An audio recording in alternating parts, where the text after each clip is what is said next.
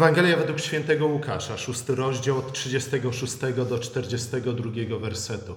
Przed chwilą czytaliśmy ten fragment, który rozpoczyna się od słów: Bądźcie miłosierni, jak miłosierny jest Ojciec Wasz. Te słowa z jednej strony nie powinny nas dziwić, ze względu na to, że ponieważ zostaliśmy stworzeni na Boży obraz, jesteśmy również wezwani do tego, aby wzrastać na Jego podobieństwo. Jeśli On jest miłosierny, również my powinniśmy być miłosierni. A powinniśmy być miłosierni nie tylko ze względu na jakieś poczucie obowiązku czy zobowiązania, ale przede wszystkim ze względu na to, że przecież każdy z nas chce kiedyś żyć w niebie. Zgadza się? Każdy z nas marzy o życiu wiecznym. Nikt z nas nie chce, aby jego śmierć przekreśliła całe jego życie. Więc wszyscy marzymy, wszyscy chcemy. Wszyscy zabiegamy o Królestwo Boże i o Jego sprawiedliwość. Słuchajcie, jeśli tak jest, jeśli na tym nam zależy, może to jest główny, główny powód, dla którego powinniśmy zabiegać o miłosierdzie, czy też uczyć się miłosierdzia, okazywać miłosierdzie, ze względu na to, że na świętej górze Boga może zamieszkać tylko ten, kto autentycznie mu wierzy, ufa i jest do niego podobny.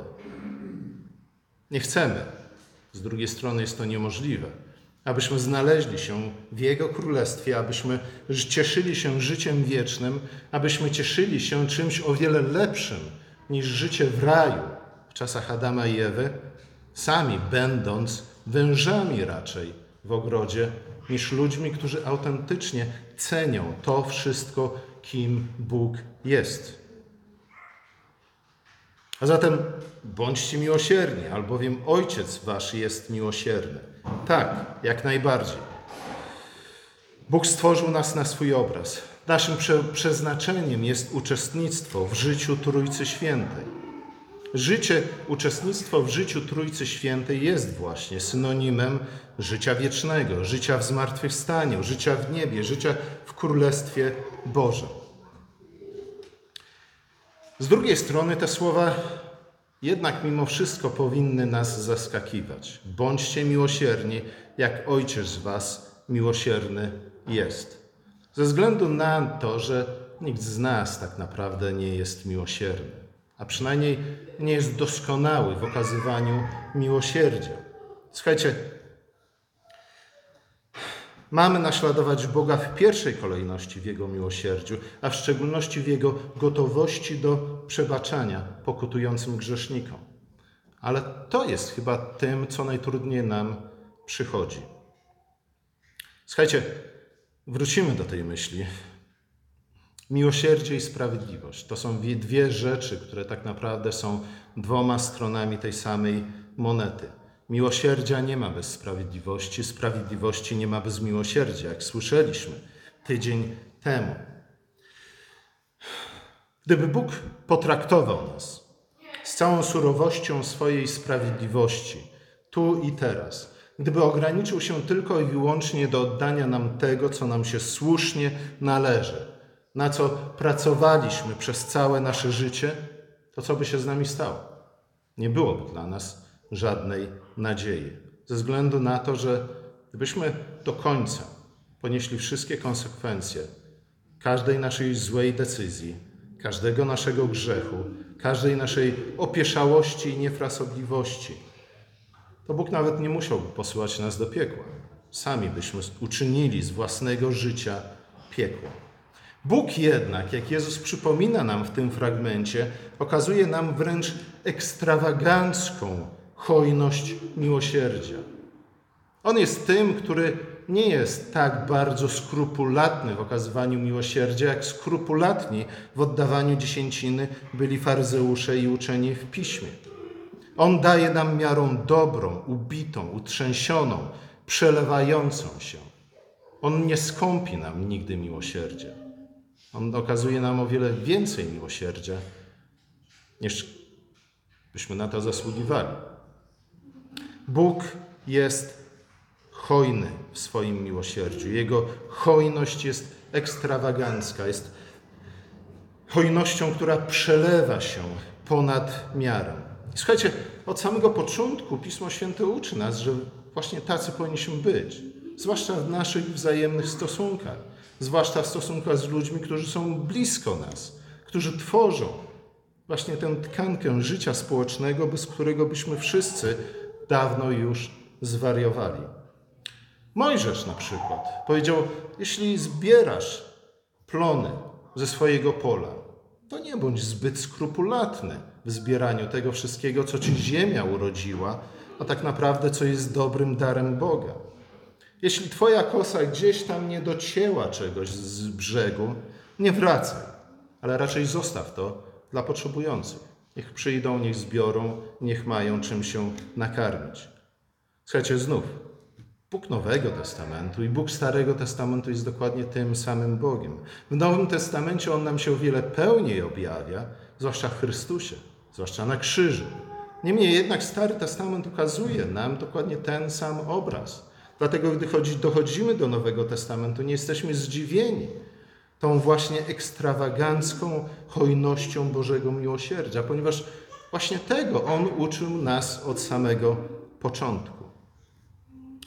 Podobną miarą, dobrą, ubitą, utrzęsioną, przelewającą się, mamy i my odmierzać innym ludziom, bez zbytecznej skrupulatności, bez strachu, że damy komuś więcej niż powinniśmy. Kiedy zaś dajemy, to mamy dawać nie po to, aby uczynić innych ludzi naszymi dłużnikami. Słuchajcie, to jest jedna właśnie z tych rewolucyjnych wręcz zmian, jakie nastały wraz z przyjściem Chrystusa i nastaniem chrześcijaństwa. Wcześniej oczywiście ludzie udzielali sobie pomocy, oczywiście obdarowywali się dobrymi darami, ale w znacznej mierze chodziło o to, żeby związać innych ludzi siecią wzajemnych zobowiązań. Żeby uczynić jak największą ilość ludzi, a zwłaszcza wpływowych, bogatych, tych, z których pomocy możemy w przyszłości skorzystać, abyśmy uczynili ich naszymi dłużnikami. Abyśmy mogli w którymś momencie dogodnym dla nas przyjść do nich i przypomnieć im, co są nam winni. To do jakiegoś stopnia działało i w pewnym sensie może to, jest, to był lepszy system i lepszy układ niż brak żadnych wzajemnych zobowiązań. Ale słuchajcie, kiedy Bóg daje nam dobre dary, to daje nam te dobre dary nie po to, aby uczynić nas swoimi dłużnikami, nie po to, aby później wymusić jakąś wzajemność na nas. Nie. Nie chodzi o to, że czyniąc dobrze spłacamy nasze zobowiązania wobec Boga. Nigdy ich nie spłacimy. Ale chodzi o to, że czyniąc dobro, naśladujemy Boga. Kiedy czynimy dobro, kiedy okazujemy miłosierdzie, tak jak Bóg nam okazał miłosierdzie, kiedy przebaczamy tak, jak Bóg nam przebaczył, wtedy po prostu naśladujemy Boga. I tak naprawdę o to chodzi. Przecież każdemu z nas zależy na tym, żeby cieszyć się życiem wiecznym w niebie, a tak naprawdę na nowej ziemi i w nowym niebie, które kiedyś staną się jednością. Chodzi o to, abyśmy nie tyle byli dłużnikami Boga, ale stali się podobni do Niego. Czyż nie na tym nam zależy? Czyż nie o to nam chodzi? Słuchajcie, z drugiej strony może warto od czasu do czasu się właśnie nad tym zastanowić, czy, czy tak naprawdę naszym celem jest Królestwo Boże? Czy tak naprawdę naszym celem jest to, aby być naśladowcami Chrystusa? Aby kiedyś w końcu w doskonały sposób stać się podobnym do Chrystusa? Czy chcemy, aby nasz charakter i nasze uczynki odzwierciedlały Jego charakter i Jego uczynki? Czy innymi słowy, mówiąc trochę po staroświecku, chcemy być ludźmi szlachetnymi, chcemy być ludźmi honoru, czy też nie? Czy raczej zależy nam na tym, żeby otoczyć się ludźmi szlachetnymi, żeby otoczyć się ludźmi honoru i żeby żerować jak pijawki na ich miłosierdziu, na ich pracowitości, na ich dobrym usposobieniu. Jeśli tak, to jesteśmy wężem w ogrodzie raczej niż prawdziwym naśladowcą Chrystusa. I znów nie chodzi o to, że, że mamy dojść tu i teraz już do doskonałości. Broń Boże, to jest niemożliwe. Raczej wiara w to, że jesteśmy przy pomocy kilku prostych kroków dojść do doskonałości, rodzi tylko i wyłącznie hipokryzję. Nie. Ale chodzi o to, czy zależy nam na tym, czy do tego dążymy, czy z dnia na dzień, krok po kroczku, trochę po trochu, zbliżamy się do tego ideału. Chodzi o to, żeby czynienie dobra, a zwłaszcza okazywanie miłosierdzia, nie wynikało z jakiegoś wewnętrznego przymusu, albo nawet nie z poczucia obowiązku. Oczywiście lepiej jest, jeśli ono wynika z poczucia obowiązku, czy nawet z jakiejś presji społecznej, niż żeby miało ono w ogóle nie zaistnieć w naszym życiu. Ale tak naprawdę naszym celem powinno być to, żeby dobre uczynki, a zwłaszcza miłosierdzie, były owocem, czy też wynikały z pragnienia, ze szczerego i autentycznego pragnienia naszego serca. Mamy czynić dobro, bo dobrze jest czynić dobro, bo nie chcemy, aby zło pleniło się w świecie. Mamy czynić dobro, bo chcemy, aby to właśnie dobro zatriumfowało nad złem, a nie vice versa. Mamy czynić dobro, chcemy czynić dobro, ponieważ chcemy żyć życiem Boga, ponieważ to Chrystus, gdy patrzymy na Niego, zwłaszcza na Chrystusa ukrzyżowanego, jest naszym ideałem, który tak, z jednej strony nas osądza, ukazując to, jakim jesteśmy, ale z drugiej strony daje nam obietnicę, pokazując nam to, kim możemy się stać. Kolejny fragment tej Ewangelii mówi o drzewach wydających owoc zgodnie ze swoją naturą. Ten fragment przypomina nam, że dobre czyny wypływają z dobrego skarbca serca, a dobry skarbiec serca to jest skarbiec, który opiera się na solidnym fundamencie Słowa Bożego. Słuchajcie, to też jest bardzo ważna rzecz, że ze względu na to, że nawet gdybyśmy zapytali Hitlera i Stalina, czy są dobra, czy zabiegają o dobro, zwłaszcza o wspólne dobro, nawet oni by powiedzieli tak, jak najbardziej.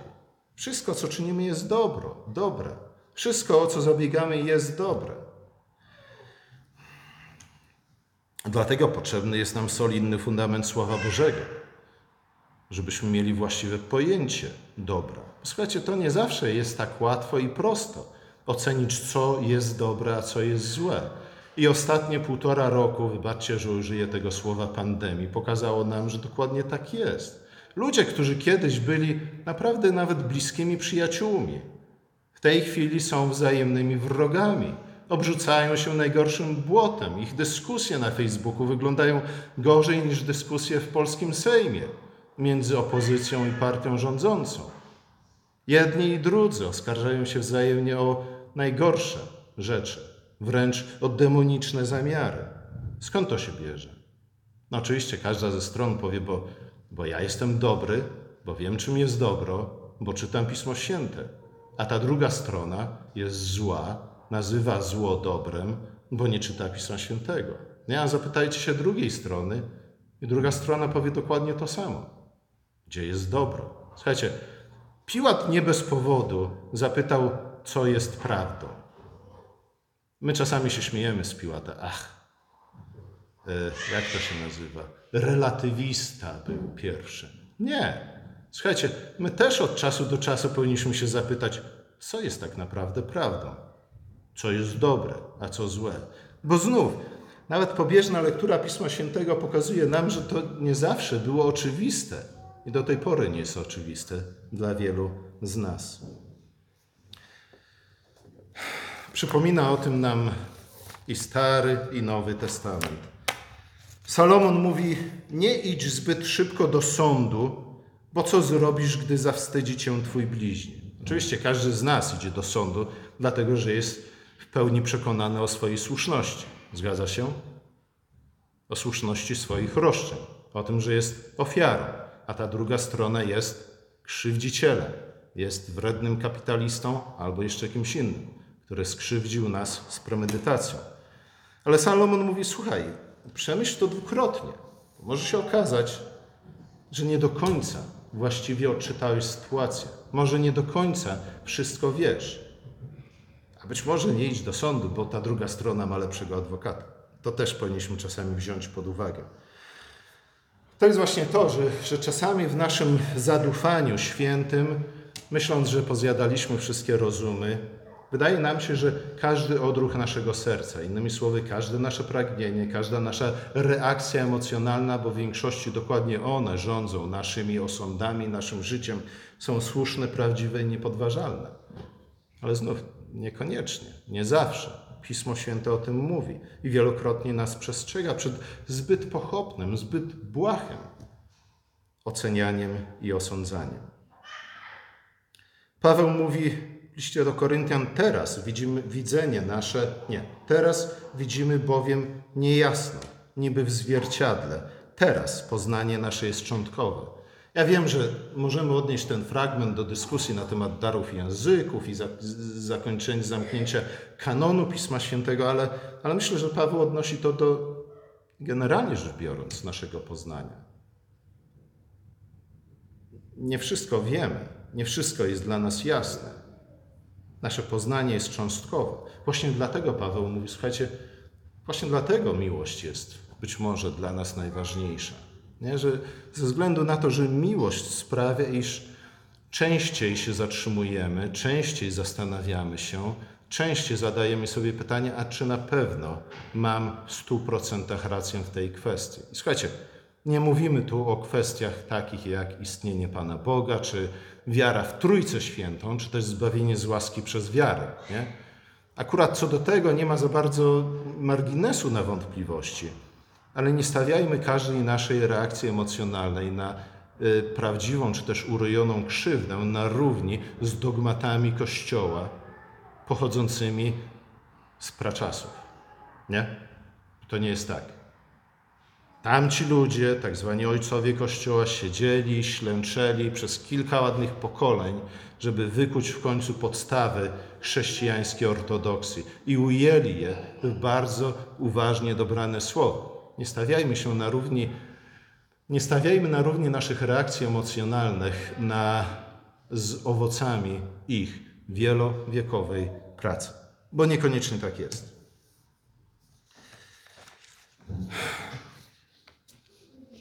Dobre drzewo wydaje dobre owoce, a wydaje dobre owoce ze skarbca dobrego serca. Ale żeby te, ten skarbiec naszego serca zapełnić czymś dobrym, potrzebne jest nam Pismo Święte, potrzebne jest nam Słowo Boże.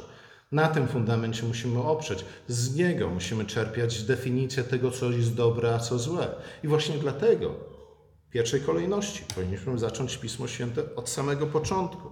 Może też zaznajomić się z dekalogiem, a może spróbować zrozumieć ten dekalog w świetle pozostałych przykazań i historii Pisma Świętego. Inaczej będziemy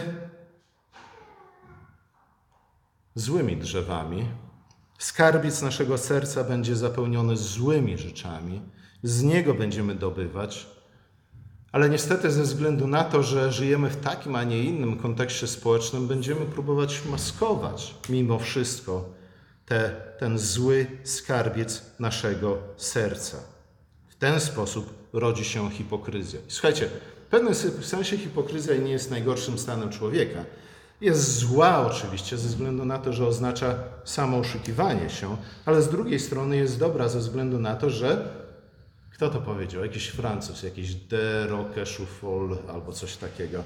E, powiedział, że no, hipokryzja jest hołdem składanym prawości przez nieprawość. Nie? Więc w pewnym sensie jest to coś dobrego, bo oznacza, że są jeszcze w tym człowieku, w tym hipokrycie jakieś właściwie odruchy serca. Chce zła, a jednak uznaje, że musi mimo wszystko tańczyć tak, jak dobro, czy też jak prawość mu zagra, przynajmniej do czasu. Niestety hipokryci, tak jak mówi Jezus, bardzo szybko stają się ślepymi przewodnikami ślepych. Wydają złe owoce, słuchają, lecz nie czynią, budują na piasku. Jeśli już czynią coś dobrego, to głównie właśnie po to, nie ze względu na dobro jako takie, nie ze względu na to, że chcą, aby świat wypełnił się dobrem raczej niż złem, ale głównie po to, aby zamaskować złe skarbce swojego serca. Z drugiej strony są dobre drzewa, które wydają dobre owoce, które słuchają i działają, które budują na skalę Słowa Bożego. Dwa rodzaje ludzi. Wielokrotnie ten wątek pojawia się w nauczaniu Jezusa. Mówi: Słuchajcie, jest łatwa i ciężka ścieżka, jest wąska i szeroka brama. Wybierzcie właściwie. Jezus mówi: Ja wiem, że o wiele łatwiej jest pójść łatwą drogą. To jest oczywiste, samo z siebie. Ale Jezus mówi: No dobrze, ale co na końcu życia czeka nas na tej łatwej drodze? Pójdźcie raczej ciężką drogą, trudną ścieżką, wąską bramą, ze względu na to, że tylko w ten sposób jesteśmy w stanie uczynić coś dobrego z naszego życia, w naszym życiu i w życiu naszych bliskich. I znów nie powinno nas to zaskakiwać, bo to jest częścią zdrowego rozsądku, doświadczenia ludzkiego rodzaju, ale też stałe nauczanie Pisma Świętego. Nic, co dobre, nie przychodzi nam łatwo. Łatwo przychodzi nam niszczenie. Budowanie wymaga wysiłku, czasu, pracy, cierpliwości, gromadzenia środków, planowania i wytrwałości. Słuchajcie, innymi słowy, wymaga tego wszystkiego, czym jest tak naprawdę wiara. Wiara wypróbowana w trudnościach, w przeciwieństwach, w trudach, która w ten sposób staje się nadzieją, która z kolei, koniec końców, owocuje prawdziwą miłością.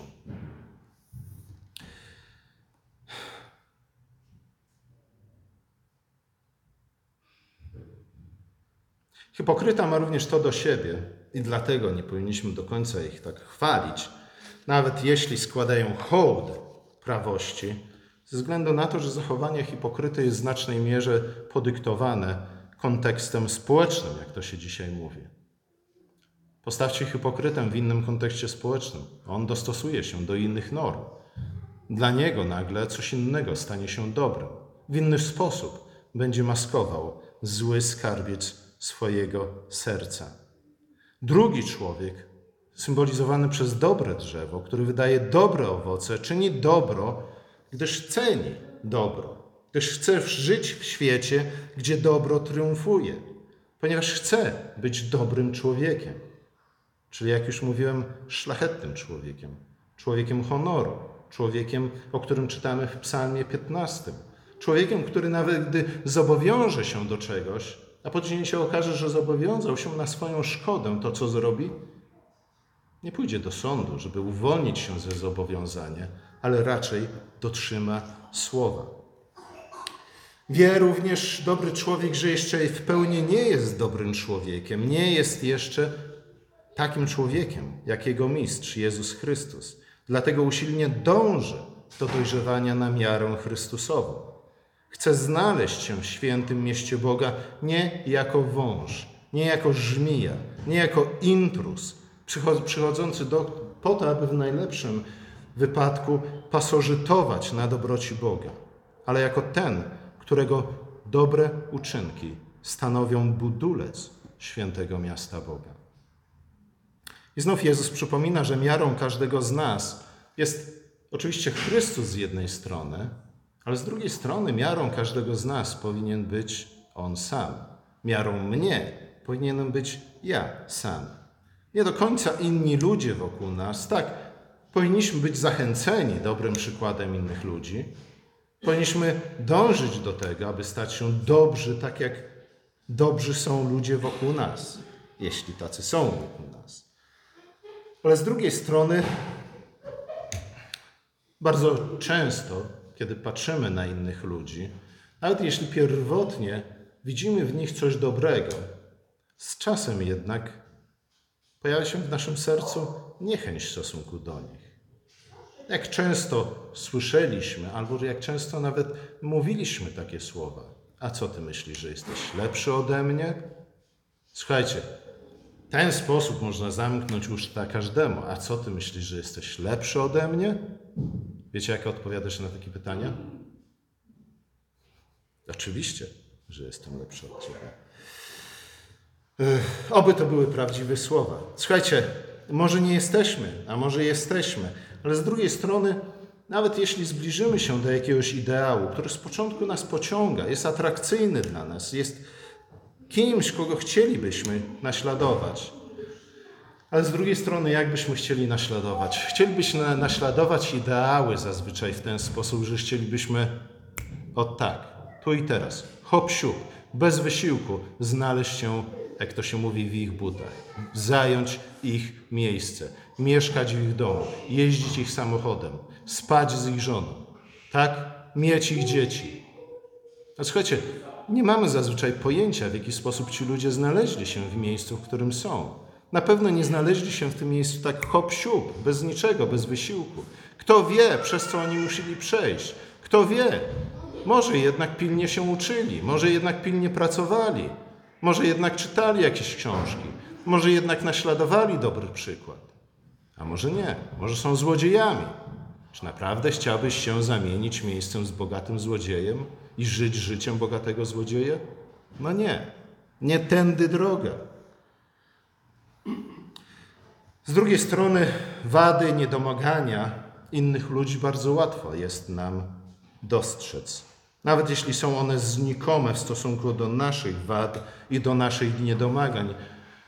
I kto wie, czy to nie jest główna część przesłania dzisiejszego fragmentu. Słuchajcie, dużo łatwiej. Jesteśmy o wiele bardziej pobłażliwi zazwyczaj w stosunku do siebie. Ba, jesteśmy zdecydowanie bardziej pobłażliwi w stosunku do naszych dzieci niż do cudzych dzieci, do siebie niż do innych ludzi. Ja wiem, że są przypadki, kiedy ludzie zaczynają się umniejszać, a słuchajcie, nie wchodźmy to. W pewnym sensie to również jest przejaw tej niezaspokojonej miłości własnej. Ale słuchajcie, takie pobłażanie sobie, a zwykle zbyt surowe ocenianie innych ludzi, po pierwsze, że nie ma nic wspólnego z tą fundamentalną zasadą sprawiedliwości, czyli oko za oko, każdemu, co mu się należy. Nie? To znów, jeśli uważacie, że to jest jakieś niebiblijne nauczanie, przeczytajcie Biblię. E, z drugiej strony nie ma żadnego sprawiedliwego kodeksu prawnego, który by nie opierał się na tej zasadzie. Każdemu to, co mu się należy. Zasada oko za oko jest niczym innym, jak metaforycznym przekazaniem dokładnie tego. Każdemu to, co mu się należy. Ale słuchajcie, takie zachowanie, pobłażanie sobie i własnym grzechom, wadom, błędom, a zbyt surowe ocenianie innych jest również sprzeczne z tym, o czym mówiliśmy na początku kazania, z tym hojnym, z tym ekstrawagancko hojnym miłosierdziem Boga. To faryzeusze są tymi, którzy dziękują Bogu właśnie za to, że nie są tacy, takimi grzesznikami jak inni ludzie i z tego czerpią poczucie własnej wartości. Ale słuchajcie, to znów, to jest domek, skarb, to jest dom zbudowany na piasku, ze względu na to, że bardzo łatwo jest nam ocenić innych surowiej niż nas. Bardzo łatwo jest nam ocenić innych ludzi jako większych grzeszników niż my. No słuchajcie, korci mnie, ale nie zrobię tego, żeby was wezwać, podnieście rękę. Nie? Kto z was uważa, że jest mniejszym grzesznikiem niż każda inna osoba tutaj zebrana w tym miejscu? No. Uczciwie, przyznajmy się w domu, jak już wrócimy. Zamknijmy się w naszym wychodku i tam szczerze zróbmy rachunek sumienia.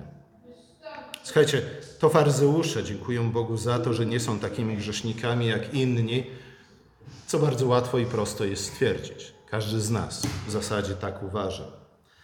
I właśnie z takich porównań do innych ludzi, których z góry już surowiej oceniamy niż samych siebie, czerpią faryzeusze przeświadczenie o własnej doskonałości i świętości. No słuchajcie, to się w ogóle kupy nie trzyma. Krótka, prosta analiza tego zjawiska wskazuje na to, że to jest błędne koło, wzajemnie napędzające się krąg kłamstw i samo oszukiwania się. Oczywiście, jak przypomina Jezus, takie porównywania są bardzo rzadko precyzyjne. Zwykle są bardzo mało precyzyjne. Właśnie dlatego, że nie posługują się tą samą miarą wobec własnej osoby i wobec bliźniego. Dlatego Jezus mówi, zanim weźmiesz się za leczenie wzroku Twojego bliźniego, Twojej żony, Twoich dzieci, Twoich sąsiadów, może najpierw sam udaj się do okulisty. Może się okazać, że to, co się, ci się wydaje być belką wokół Twojego brata, a tylko źdźbłem we własnym oku, jest czymś dokładnie odwrotnym, przeciwnym. To ty masz belkę we własnym oku i dlatego nie jesteś w stanie wyraźnie ocenić i, i osądzić i zobaczyć, czym jest i jakie jest życie Twojego bliźniego. Słuchajcie, to klucz tak naprawdę do dobrych relacji międzyludzkich, czy też więzi międzyludzkich, do dobrych relacji w rodzinie, w szkole, w pracy, w kościele. Zadaj sobie pytanie, czy oceniasz zachowanie męża, żony, sąsiada, dziecka według surowszych standardów niż oceniasz własne zachowanie? Czy też może piętrzysz oskarżenia przeciwko swojej żonie, mężowi, dziecku, sąsiadowi, cały czas usprawiedliwiając, znajdując wymówki dla swojego postępowania? Czy wydłubujesz źdźbło z oka męża, ignorując belkę tkwiącą w Twoim własnym oku? Jak ty, by to było, koniec końców, gdybyś został osądzony według dokładnie tej samej miary, jaką ty mierzysz innych ludzi? Słuchajcie, ale znów, tu nie chodzi o to, żebyśmy przestali mierzyć. Nic podobnego. Kiedy Pan Bóg stworzył świat, to każdego wieczoru, każdego dnia, co robił, patrzał. Nie? Patrzenie jest w Piśmie Świętym symbolem oceniania, dokonywania osądu. Musimy oceniać, musimy osądzać, żebyśmy wiedzieli na przykład, czy to, co robimy, jest dobre. Czy posunęliśmy się na naszej drodze ku podobieństwu Chrystusowi do przodu, czy też cofnęliśmy się. Nie? I Pan Bóg patrzał i osądzał. I widział, że to, co uczynił, było dobre. Co ciekawe, w pierwszej kolejności osądzał sam siebie i swoje własne uczynki. Ale potem Pan Bóg stworzył człowieka na swój obraz i podobieństwo i to oznacza dokładnie to samo. Mamy w pierwszej kolejności, być może każdego wieczoru, czynić rachunek sumienia i osądzać samego siebie. Czy dzisiaj posunąłem Cię, choć o ciupinkę, choć trochę, choć milimetr we właściwym kierunku, czy też cofnąłem się? Ja bym powiedział, że dopiero to daje nam jakiekolwiek prawo i podstawy do tego, żeby oceniać innych ludzi. Bo dopiero oceniając samych siebie, według pierwszej, po pierwsze miary Chrystusowej, a po drugie według własnej miary, tym, kim jestem dzisiaj, tym, kim byłem wczoraj i tym, kim mogę stać się jutro. Dopiero wtedy nauczymy się po trochu, powoli oceniać we właściwy sposób innych ludzi. Nie znaczy to, że mamy być ślepi na cudze grzechy. Nie, mamy, nie znaczy to, że mamy tolerować grzech. Nie znaczy to, że jeśli źdźbło tylko i wyłącznie tkwi w cudzym oku, to mamy machnąć na nie ręką i powiedzieć, a drobnostka. Nie. Posłuchajcie, każdy z Was kiedyś w życiu miał źdźbło w swoim oku, zgadza się? Nie? Tylko ja? Szczęśliwi, szczęśliwymi ludźmi jesteście. Tak dokładnie jest. Źdźbło, nawet choćby maleńkie wokół, nie jest niczym miłym, niczym przyjemnym. Przeszkadza nam we właściwy sposób patrzeć, a więc oceniać nawet samego siebie. Także słuchajcie, to wyjęcie źdźbła z oka brata albo siostry jest dobrym uczynkiem. Jest przejawem miłosierdzia, jeśli jest dokonane we właściwy sposób. Ale znów, jesteśmy w stanie wyciągnąć źdźbło z brata z oka brata, z siostry, męża, żony, sąsiada, dziecka, może czasami ojca i matki, tylko jeśli wcześniej usuniemy belkę z własnego oka. Bo inaczej ta nasza operacja, jak to się nazywa, oftalmologiczna, tak? Najprawdopodobniej nie przebiegnie we właściwy sposób i zamiast poprawić widzenie naszego bliźniego, tylko popsujemy mu oczy. W ten sposób właśnie staniemy się ślepymi przewodnikami ślepych.